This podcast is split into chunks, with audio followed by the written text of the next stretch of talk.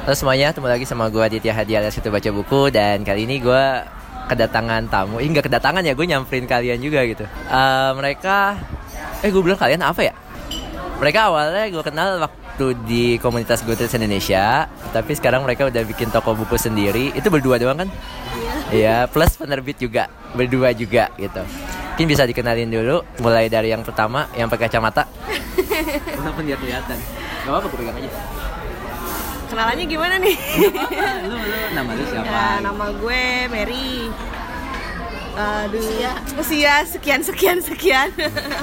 ya kita dari Ayakawa dan Semicolon Publisher. Eh, bisa ini aja Instagramnya kali. Eh, toko bukunya Instagramnya apa? Terus eh, penerbitnya Instagramnya apa? Eh, apa sih namanya oh ya? Toko bukunya itu Ayakawa Books dan si penerbitnya itu Semicolonian. Semicolonian. Pakai C ya, pakai C bukan pakai K. Yang satu yang satunya lagi? Halo, nama gue Ayu, sama dari Goodreads juga. Nah, ya tadi Instagramnya udah disebutin sama Mary. Oke. Jadi ini pertemuan pertama setelah beberapa tahun gue akhirnya ketemu lagi walaupun kita masih kayak kotak-kotakan lah di eh, apa namanya sosial media gitu ya dan gue tertarik banget buat ketemu sama mereka lagi karena unik banget gitu. Mereka awalnya bikin toko buku online walaupun masih kerja full time gak sih kayu Eh ya, gue masih kerja kerja full time terus Momo juga masih penerjemah kan? Ya jadi dua-duanya masih punya kerjaan tapi mereka akhirnya bikin project tanda kutip awalnya project kali ya project berdua. Terus akhirnya mungkin jadi bisnis gitu yaitu toko buku online plus penerbit. Nah mungkin gue mau mulai dari pertama dulu kali. Ap- ap- eh, kenapa kalian akhirnya memutuskan bikin toko buku online dan kenapa namanya Ayakawa Books? Nah satu-satu tuh pertanyaannya. Aku kali ya. Pertama kalinya itu kan sebenarnya kita tuh suka banget baca buku. Terus akses baca buku itu kan harus ke toko buku gitu ya. Terus kita tuh kayak yang agak posesif gitu kalau misalkan ke toko buku offline ya? Offline. Kalau ke toko buku online tuh kayaknya aduh pengen ngelus bukunya gitu kan. Nah terus terus akhirnya nanya-nanya nih bagaimana sih caranya bikin toko buku online? Tanya sama temen di Gramedia di sini di situ. Gimana caranya? Akhirnya dikasih dikenalin ke yang mengurus Gramedianya sendiri kita pertama karena kami kan pembacanya ke situ gitu ya ke buku-buku banyak kan tuh Gramedia penerbit apa Gramedia Gramedia stok buku. Iya, toko buku. Jadi akhirnya kami pertama di situ. Jadi in- tujuannya tuh memang untuk diri sendiri sih sebenarnya. oke Untuk diri sendiri, untuk konsumsi sendiri. Terus kita bikin ya udah karena udah karena ini untuk diri sendiri, jadi kita kayak pengen menjebarkan minat baca ke orang-orang dengan harga buku yang tidak terlalu mahal. Gitu. Jadi kalian bisa dapat kayak dapat langsung kayak distribusi langsung dari Gramedia gitu. Oh, iya. Terus buku-buku yang kalian jual itu yang kayak kayak gimana? Karena pasti kalian pilih-pilih kan, nggak semuanya gitu.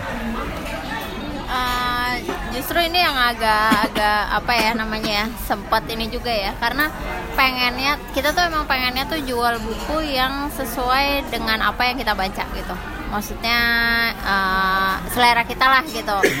Kita juga seleranya sebenarnya nggak sama-sama banget Kita gitu. nggak sama selera kita. Juga. ah, kita nggak sama gitu. Jadi tapi justru karena itu kan kita kan punya selera beda ya udah kenapa kita nggak coba menyebarkan yang ini gitu. Nah terus ditambah lagi kita juga pengen coba nge-review buku itu gitu loh. Jadi maksudnya kita nggak cuman sekedar jual aja gitu tapi kita juga kasih uh, review kita saat membaca buku itu gitu. Meskipun memang bukan review yang panjang kayak uh, blogger-blogger itu gitu. Review aja. benar-benar review yang emang personal yang emang kita pengalaman kita waktu baca gitu. Jadi pengennya tuh kayak gitu yang ada di situ gitu. Mungkin nantinya kita akan berkembang dengan ada kasih tema-tema tertentu gitu ya sesuai tetap sesuai dengan uh, pribadi kita aja gitu. Kalian ada kalian ada sebutan nggak buat kayak minat kalian itu apa gitu? nggak ada ya Ini, ini mungkin gak ada yang ngelihat ya, tapi di sini mereka akhirnya tatap-tatapan gitu kayak "Lu- apa ya gitu. Minat apa nih maksudnya? Iya maksudnya kan kalian tadi sebenarnya nih kalian sukanya apa fiksi kah atau non fiksi kah atau eh, apa namanya metropop kah atau apa sih sebenarnya buku-buku yang di Ayakawa Books ini? Untuk kayak selera kami aja gitu kan. Selera kami tuh ya berbeda-beda. Aku ke fantasi ke buku-buku kontemporer. Sedangkan Ayu tuh lebih suka baca buku non fiksi buku lokal kayak gitu kan. Jadi aku mungkin lebih ke populer tapi tapi ke sini-sini jadi nggak terlalu populer banget. Aku ketinggalan banget gitu sama buku-buku yang wah Adit kayaknya lebih keren gitu bacaannya lebih up to date gitu. Terus jadinya ya itu kita mulainya dari situ dari pengen pengen orang tuh me- apa menyebarkan si buku-buku yang kami suka dari fantasi dia non fiksi. Berarti ini kayak gabungan oh eh, Momo sukanya eh Momo. Iya Mary itu gue manggilnya Momo ya. Jadi eh, Momo eh, sukanya ini ya udah dijual di situ, terus Kayu juga ini dijual di situ. Nah, mungkin kayak ada teman-teman yang eh, apa ya kayak pengen tahu sih sebenarnya kayak dinamika bisnis buku online itu kayak gimana sih? Karena kalau gue nih gue gue pengen juga gitu kepikiran gitu. Tapi yang kebayang di karena banyak yang kayak gue nge-review buku kayak tadi tuh Trevor Noah uh, Born a Crime. Dit ini belinya di mana sih? Gini-gini gitu.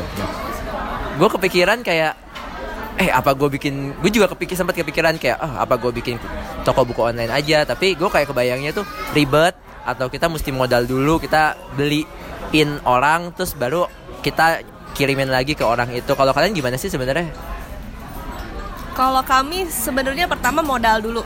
Jadi kayak tadi aku bilang itu pertama memang bacaan kami. Jadi pas kami beli tuh buku-buku kami. Jadi pas ternyata kami pajang nih di Tokopedia, terus ternyata ada yang mau beli, ya udah kasih gitu kan. Terus kebetulan kan di dari Gramedianya sendiri dapat diskon segitu misalkan. Nah ya udah, jadi memang tidak tidak sesulit yang orang pikirkan. Cuman kalau masalah untuk keuntungan ya bisa dibilang sih emang kita fokusnya nggak ke situ ya maksudnya Ah, kalau kalau ka- emang kami mau nggak bisa kita nggak ya secara bisnis ya karena Ah. memang intinya dari awal ya memang untuk uh, kita having fun aja sama buku ini gitu having fun aja sama buku ini. Jadi mungkin gue kebayangnya oh kalian kenal uh, orang di Gramedia terus kalian beli mana yang kalian suka dan itu mungkin stoknya juga terbatas ya?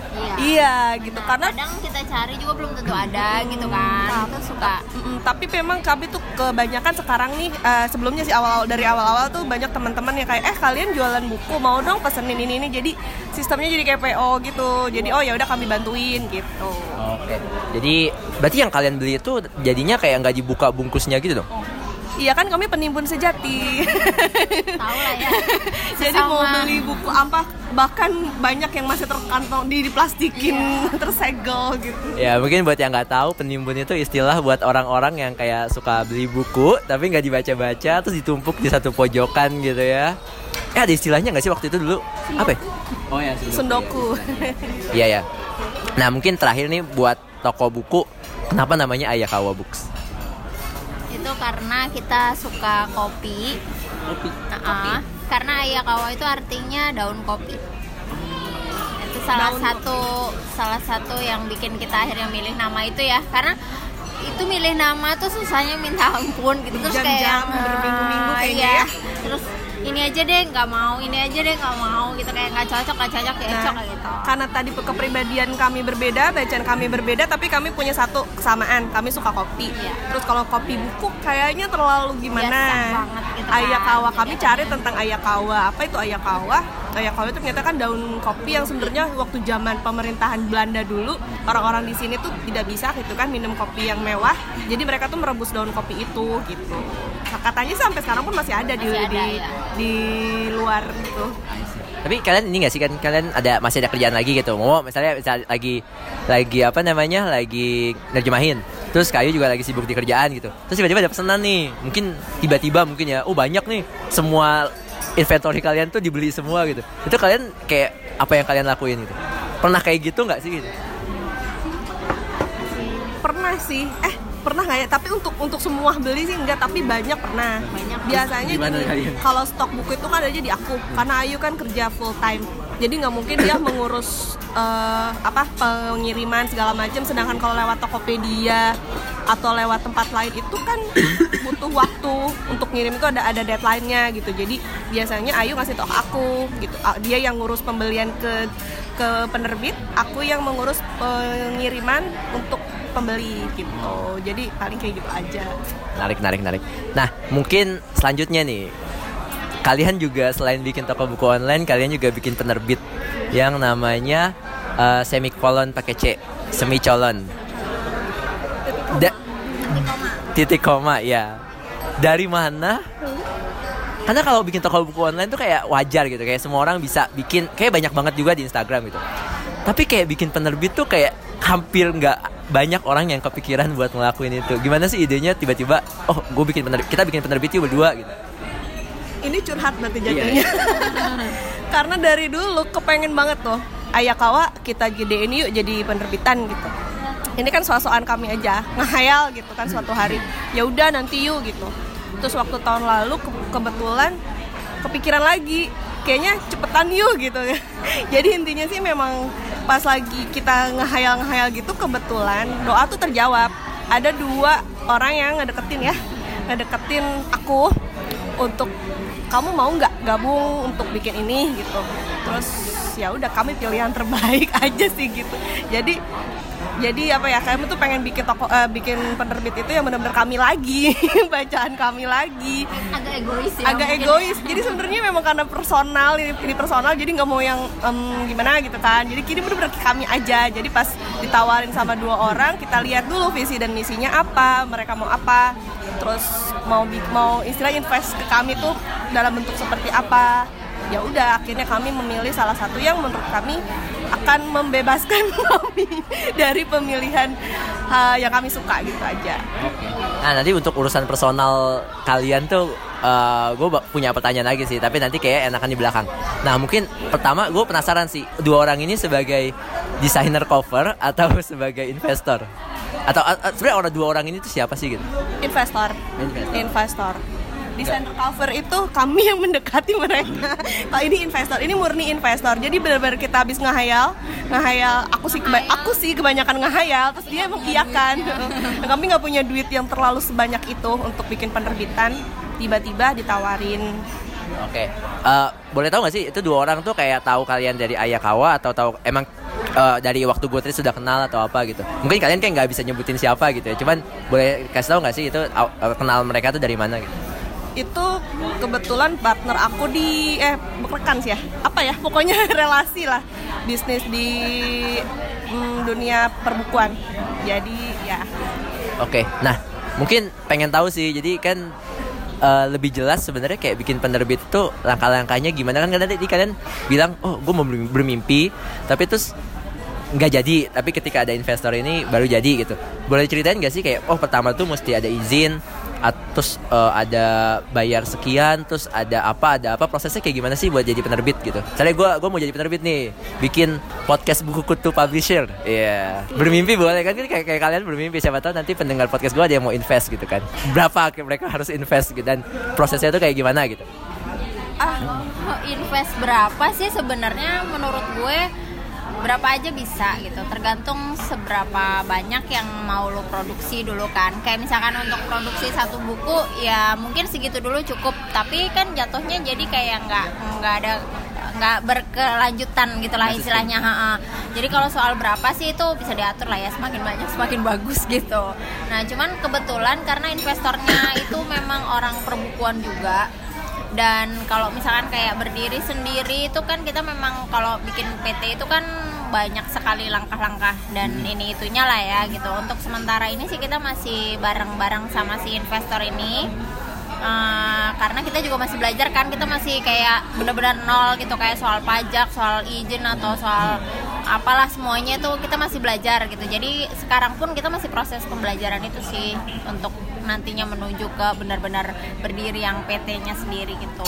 Berarti kayak sekarang prosesnya gimana sih? Sebenarnya harusnya bikin bikin PT dulu abis itu kayak daftar ke apa sih ISBN atau apalah. Gue nggak ngerti sih maksudnya kayak gimana sih prosesnya sampai oh kalian boleh nerbitin buku pertama kalian Demian ya?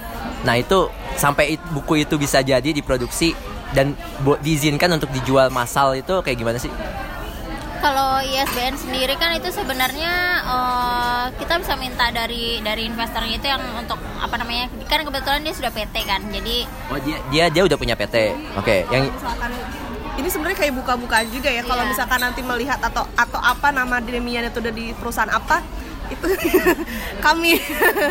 Jadi gini eh, intinya sih karena kami belum bisa berdiri sendiri yang punya PT karena kan harus punya PT dulu untuk bikin ISBN segala macam gitu kan. Sebenarnya kalau di buku tok eh, penerbit indie yang lain tuh mereka tuh kayak punya satu satu wadah ya. Sama sih, ya, cas- kayak- seperti itu contohnya wadah nanti kamu dia bayar ke untuk pener- untuk penulis indie gitu aku aku pernah lihat gitu salah satu penerbit indie yang melakukan itu ke penulis-penulis lain kayak ngurusin ISBN kayak gitu nah ini salah satunya ya udah kita ikut join mereka aja supaya cepet ter ini selesai ya makanya gue bilang ini ngahayal yang dimudahkan sih sebenarnya Paham. Jadi eh, abis dap, oke. jadi misalnya PT-nya itu udah ada, terus izinnya itu ke mana sih?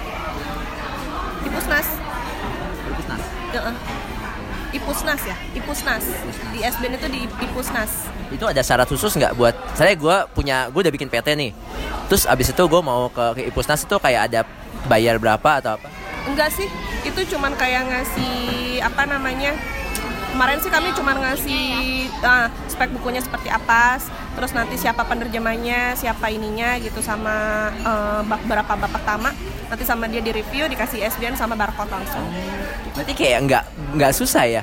Jadi jadi sebenarnya investor itu tanda kutip itu cuman buat kayak dana operasional kalian buat cetak doang. Jadi sebenarnya gue bikin PT nih, terus gue punya buku sendiri, terus gue eh, apa namanya daftar ke ISBN sendiri ke Ipusnas tadi, habis itu gue terbitin sendiri dengan dana yang gue punya, itu bisa. Bisa, setahu bisa. Wow, habis ini gue bikin buku apa ya? Join kami aja. Oh. Oke oke oke, ini menarik nih. Jadi sebenarnya proses bikin penerbit tuh nggak nggak susah karena gue tuh lihat ini kayak kayaknya lu nge-tweet atau apa gitu. Jadi kayak gue bacanya tuh kayak eh, ini keinginan gue dari lama, terus kayak ternyata kayak dimudahkan gini-gini. Lu pernah nge-tweet gitu kan nggak salah? Mm, Iya, itu Yang benar-benar susah itu nanti proses menuju PT-nya itu sih kayaknya. Iya, mungkin yang, susah. tuh itu. Sekarang kan kami masih join nih, kan masih masih numpang join. istilahnya. Nggak? mungkin yang susah pas bikin PT saat PT kita. itu yang lebih susah. Tapi sebenarnya bikin PT-nya kan nggak jadi PT biasa kan, nggak nggak mesti PT khusus kan? Enggak, Jadi sebenarnya kayak orang, misalnya orang udah ngerti hukum, udah biasa bikin PT itu bisa. bisa. Bisa. Ya mungkin karena gue di dunia startup, gue gue gue tahu paham. le- lebih paham oh PT itu ada emang susah-susahnya tapi emang sekarang udah mulai banyak sih kayak eh, kita bisa kayak bayar sekian kayak berapa juta gitu buat ke startup banyak startup hukum yang kayak bisa bantu gitu soalnya jadi oh kita bayar ke dia sekian ya udah tahu langsung jadi gitu Oh gitu. Oh ya. gitu. Itu malah baru tahu. Iya jadi setahu gue di dunia startup tuh udah gampang kayak gitu cuman emang kayak IT tuh susah karena dia ada ininya kayak ada nomor kode yang dia tuh bisnisnya tuh di, di bidang apa dan kalau dia di bidang finansial oh harus ada izin dari apa OJK atau BI uh, sama Kominfo kalau dia punya aplikasi tapi gue rasa kalau penerbit kayak kalian kan sebenarnya udah lama harusnya udah ya udah udah ada kayak kodenya tuh udah udah spesifik kita tinggal masuk ke situ doang kan sebenarnya betul betul. Oh jadi kalau menurut Adit malah lebih gampang bikin PT-nya ya. Dibanding penerbitannya gitu. iya betul gue gue Menurut kita justru susahnya bikin di PT-nya.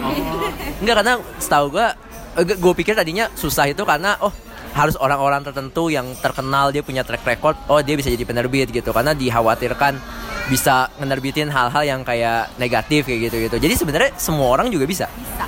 Makanya banyak banget penerbit indie atau penulis indie yang menerbitkan buku sendiri nanti mereka akan bikin penerbit sendiri atau gimana gitu. Ini banyak.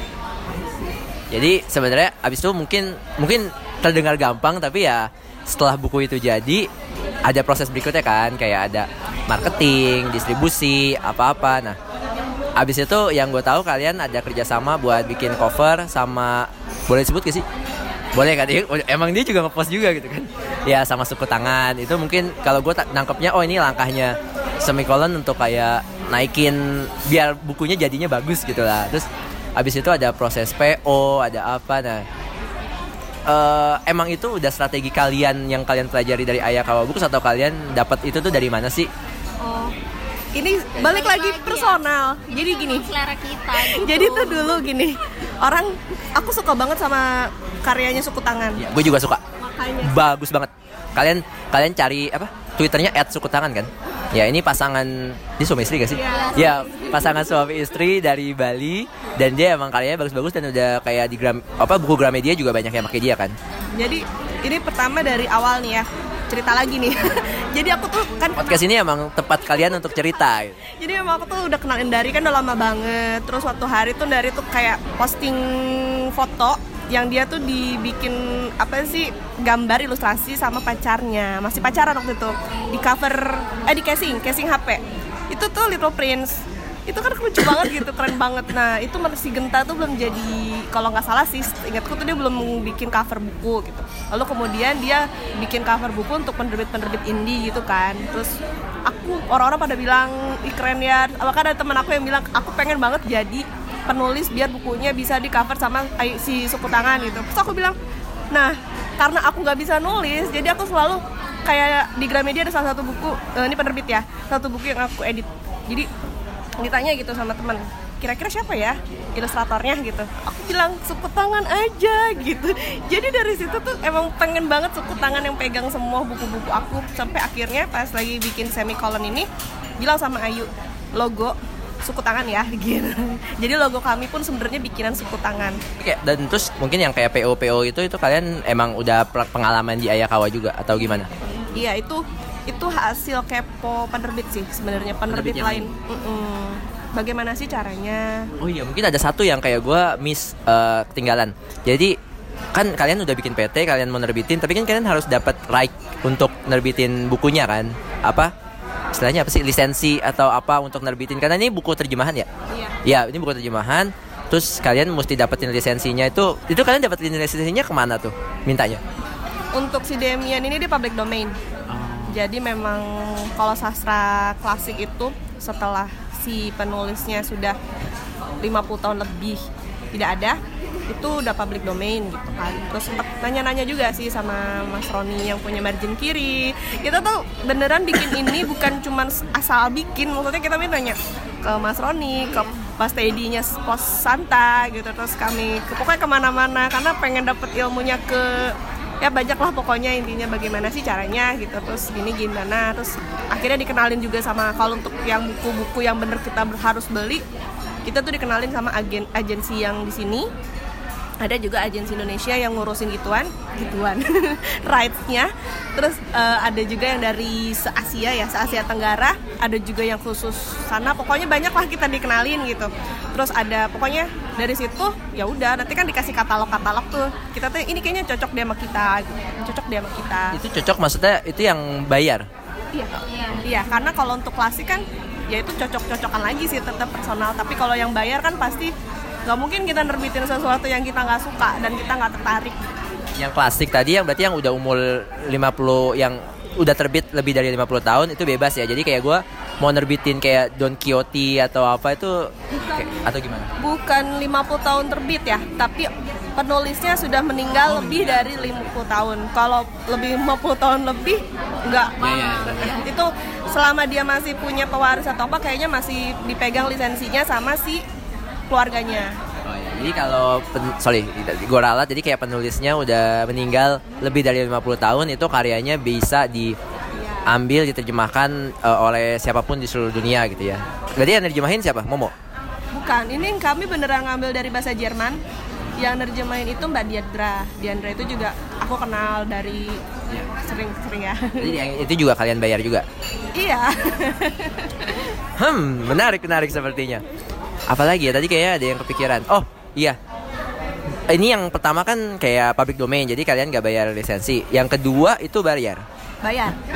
Milkman, Anna Burns, karyanya Anna Burns dia bayar. Nah, ini boleh tahu nggak sih kayak bayarnya tuh kayak kisaran berapa gitu kayak eh, gimana ya kayak apakah puluhan juta atau ratusan juta? Gue gue kayak kebayang se- semahal apa sih kayak lisensi satu buku yang nggak kayak oh ini buku Harry Potter itu kayak seberapa apa kita harus MM-an atau apa? Saya gue kepikiran nih.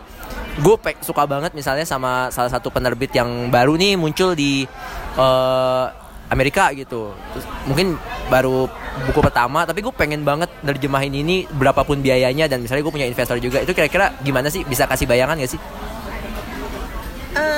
Eh, biasanya mereka ngasih rate sendiri kan. Itu kisaran dari 800 sampai 2000 3000 entah lah ya tergantung 800 dolar. tergantung tergantung Rasa murah ya Dit ya. tergantung Tergantung seberapa seberapa ngetopnya. ngetopnya mereka sega, ya pokoknya seperti itu Itu sekali bayar. itu advance-nya Advance tuh maksudnya gimana?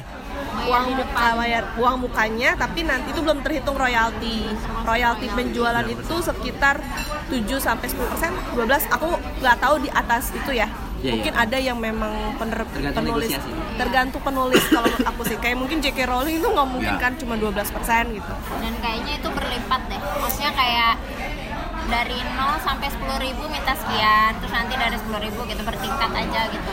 Berarti itu hitungannya kan berarti dari penjualan ya. Iya. Nah, berarti kayak awalnya kayak oh tadi 800 dolar bayar atau 20 eh 2000 dolar bayar di awal terus kemudian nextnya ya tergantung penjualan kita kalau nggak laku ya kita nggak bayar tapi kalau laku kita bayar gitu ya. Iya, royaltinya. terlihat murah sepertinya terlihat murah kalau banyak duit kan kita kan dalam setahun itu kan ngincernya nggak cuma satu buku kan. penerbitan itu nggak mungkin maju Nggak mungkin. mungkin jalan kalau hanya punya satu buku Heeh. Kenapa tuh? kita punya investor. Aku kami punya investor. Kalau misalkan kita cuma nerbitin satu buku dan misalkan bukunya itu tidak ini tanggung jawab kami ke mereka. Tapi kayak misalnya kalau kalian emang punya duit sendiri atau apa sebenarnya bebas-bebas aja kan? Bebas aja. Oke. Apalagi ya mau gue tanya ya? Oh ini sih kayak ini gue penasaran. Kan kalian bilang personal banget ya saking personalnya nih kalau kalian yang ngikutin atau beli PO-nya apa Demian di eh, semicolon itu gue ngerasa aneh sih karena a- kalian ngebundling ini eh, emang common sih kayak bundling bundling buku sama kayak notebook sama merchandise merchandise apa itu gue lihat di buku, toko buku lainnya juga ada. Tapi anehnya di tempat kalian itu kalian ngebundlingnya oke pertama ada bundling buku sama notebook yang covernya Demian juga eh penulisnya Herman Hesse ya jadi ada ada ada nyambungnya lah. Tapi ada yang nggak nyambung yang gue lihat. Ada stiker BTS ya gak sih? Bookmark. bookmark bet itu kayak kayak menurut gue nggak ada hubungannya tapi itu itu kenapa kalian akhirnya memutuskan? Ini gue kayak ini bercanda doang maksudnya kayak lucu-lucuan aja. Kenapa sih kalian apa nambah-nambahin kayak stiker BTS di situ? Apakah kayak karena kayak yang kalian lihat oh followernya Ayah Books tuh emang suka kayak gini atau apa sih strategi apa sih yang mau kalian ambil di situ ini sebenarnya Demian ini dipakai sama si BTS itu kan untuk jadi konsep mereka dalam suatu album Wings kalau nggak salah judulnya. Itu udah lama banget. Terus kemarin tuh sempat mikir apakah untuk memperkenalkan pertama si semicolon ini untuk mengambilnya lewat situ gitu. Untuk memperkenalkan aja sih sebenarnya karena kan ini Demian terus sekalian mereka juga ngasih ta- ngasih tahu bahwa kami tuh nerbitin buku Demian yang apa ya namanya langsung dari terjemahan bahasa Jerman. Karena sebenarnya kalau nggak salah sih udah pernah ada gitu kan. Di mana mana kan namanya public domain pasti udah pernah diterjemahin. Terus ya sekalian aja. Terus emang karena ya itu untuk mendongkrak sih. Tapi emang berarti masih ada hubungannya ya? Karena gue gue ngerasa aneh karena gue nggak ngerti BTS aja. Kami juga enggak sih.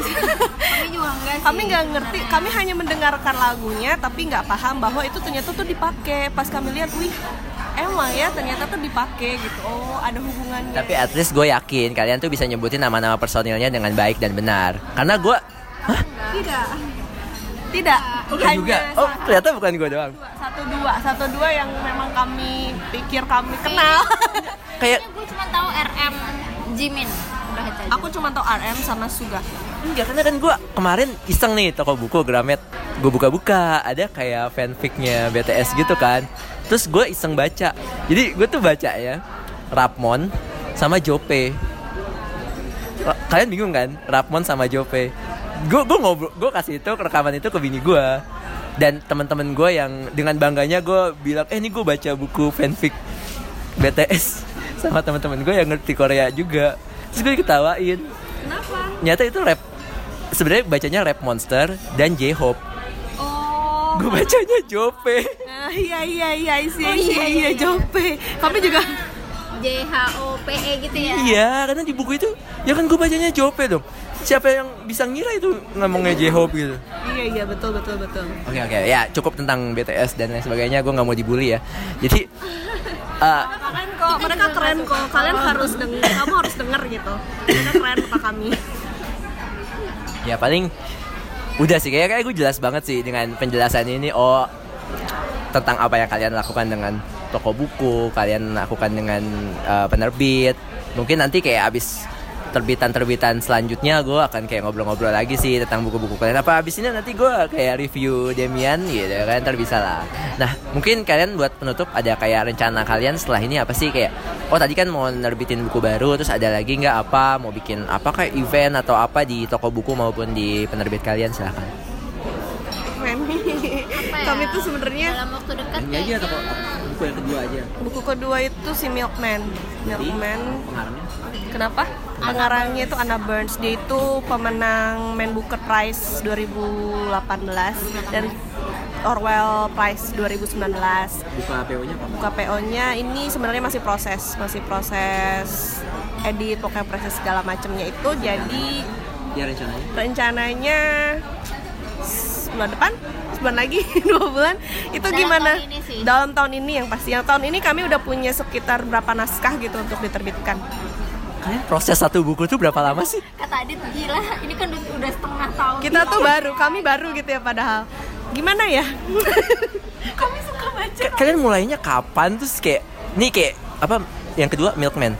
Milkman. Itu kayak mulai kayak oh dapetin raiknya kapan? Tuh sama terbit itu berapa bulan ini sambil proses ya Iya, kita tuh dapat waktu pengerjaan itu sekitar satu setengah tahun kan ya, tapi eh, kita sih begitu dapat kita waktu itu Milkman tuh bulan apa ya? bulan kemarin Bulan lalu ya, Juni lah. udah Dapat Juni, ya, terus kita langsung kerjain, dikerjakan, diterjemahin, langsung minta suku tangan bikin suku tangan covernya. juga bikin, sambil jadi jalan sambil gitu loh. jalan sambil maksudnya. proses sambil bagaimana mikir promonya atau sambil segala macam. Nanti kalian PO nya kapan tadi? September. Pengennya pengennya sih antara tahun minggu bulan depan. Ya pokoknya pengennya bulan depan akhir bulan depan. Atau jadi kayak September. Juni Juni Juli Agustus. Kayak dua dua tiga bulan doang? Iya. iya. Iya. kayak gue ngira tuh kayak butuh waktu kayak enam bulan gitu gitu enggak ya? Mungkin, Mungkin ada, ada sih buku yang akan perlu Oh. waktu sampai segitu gitu. Cuman ya tapi kami udah punya bank naskah sih sekarang. Jadi bank naskah kami tuh udah banyak. Bang Naskah itu apa? Istilahnya kami udah punya naskah naskah yang tinggal cetak. Kami udah bikin cover. Udah tinggal naik cetak. Bentar, itu raiknya kalian udah ambil apa belum? udah oh jadi sebenarnya kayak kalian ini nerbitin eh, Demian. Sebenarnya di belakang itu ada kayak se- berapa puluh buku? Enggak ya. Ih, Jadi apa pas lagi proses berapa bikin, buku yang kayak di belakang? Udah beli beli rights gitu. Udah mulai beli beli rights kita mungkin tahun ini aja berapa ya rencana? Hmm, empat tiga. Tiga atau empat lah ya. Pokoknya ya itu istilahnya mereka tinggal naik aja sih. Menarik banget. Gila, jadi kayak kalian tuh di orang lain tuh nggak lihat dari luar tapi sebenarnya di belakang tuh kalian kayak kerja keras buat kayak oh dapetin like ini dapetin like ini dapetin like ini terus eh, siap-siap oh ini nerbitnya kapan nerbitnya kapan naskahnya udah dibikin eh, apa namanya cover udah dibikin apa apa tinggal naik kayak gitu Iya dan dramanya juga ada. Drama-drama kemarin tuh sempat ada kami beli rights. Tapi ternyata penerbit sini sudah ada yang menerbitkan. Tapi sebenarnya dia nggak nggak punya rights Ka- gitu kami tuh sampai minta sama agensi sini untuk tanya dong bener gak sih ini. Terus ternyata pas dicek ke sana tidak. Terus penulisnya sendiri juga bilang enggak. ini ini gue pengalaman jadi waktu itu gue pernah nerbitin eh nerjemahin buku Al-Quran A Biography kalau nggak salah itu gue sama penerbit kayak Imprine Mizan apa kalau nggak salah itu udah lama banget kan waktu gue masih nerjemahin nerjemahin buku terus eh, tiba-tiba gue di toko buku ngelihat emang buku yang judulnya sama dan itu diterbitin sama kayak penerbit dari Jogja gitu yang ya gue akhirnya kayak lapor ke penerbit gue eh ini kok udah ada sih? gitu. Oh ternyata dia emang nggak punya right sih. Emang kayak kayak banyak ya praktek-praktek kayak gitu ya? Hmm, makanya ya ini kayak, kayak sebenarnya kalau dibilang kerja keras kami tuh nggak ada kerja keras. Karena menurut kami, masa sih? Ini kami melakukannya dengan senang hati. karena seneng kali ya maksudnya. Passion passion rencana rencana. Jadi nggak nggak nggak dibilang stres. Enggak ini enggak seneng seneng aja ya baru kena kerja kerasnya di sini ketemu ketemu yang bandel ini gitu Menarik banget. Oke, jadi paling berarti ditunggu aja buku-buku selanjutnya dari Semikolon. Eh, pakai C, Semikolon pakai C. Nanti gue taruh di description dah eh, apa akun-akun Instagramnya. Apalagi ya? Berarti selain itu kayak kalian gak ada kayak rencana apa-apa lagi? Eh, belum ya Enggak kayak kalian kalian bikin toko bukunya kapan sih? Lupa. tahun berapa tahun berapa 2018. Ha, Juni 2018. jadi 2018 kalian bikin toko buku 2019 kalian bikin penerbit 2020 kalian mau bikin apa Hmm, percetakan. kan kita kan gampang tinggal ke subur Oh iya, ya. Oke. Oke, ya udah itu aja. Mungkin ada kayak apa ya? Mungkin ini sih gue kayak kepikiran kayak buat di akhir kalau gue kayak ada tamu gitu, gue pengen kayak minta kalian sebutin satu buku yang entah mungkin kalian udah pernah baca atau kalian lagi baca tapi kalian suka banget gitu. Entah itu kayak nantinya akan kalian terbitkan atau enggak, pokoknya intinya yang bu- satu buku yang kalian lagi eh, baca atau udah baca dan suka banget. Fiksi non fiksi bebas. Ayo. Apa ya? Bingung. Um, non fiksi yang lagi pengen dibaca sih boleh lokal boleh apa kan? Lagi pengen baca sih punya Dea Nugrah Judulnya? yang hidup ini indah dan hanya itu yang kita punya gitu. Saya ingat tuh itu judulnya. Kurang lebih lah ya kayak gitu panjang soalnya. Itu yang lagi pengen dibaca. Yang pengen dibaca itu timbunan di rumah. pilih salah satu. Oke. Buku keduanya Cruel Prince. Oh, iya. itu. Dan itu Apa judulnya? Pengarangnya siapa? lupa. Penulisnya itu Holly Black. Judulnya Lupa. lupa. timbunan. Apa gitu? Wicked King. Oh iya, Oh, Wicked iya. King. Ini kayak kayak Cruel Prince gue udah pernah bahas kalau nggak salah di podcast gue deh. Terus ini buku keduanya ya. Oke. baca? Yang kedua belum, yang kedua belum. Kita baca bareng Oke, okay, bisa bisa. Bikin klub buku apa abis nih? Yeah. Gue semangat banget bikin klub buku. Oke, okay, itu aja. Terima kasih udah join. Thank you. Bye.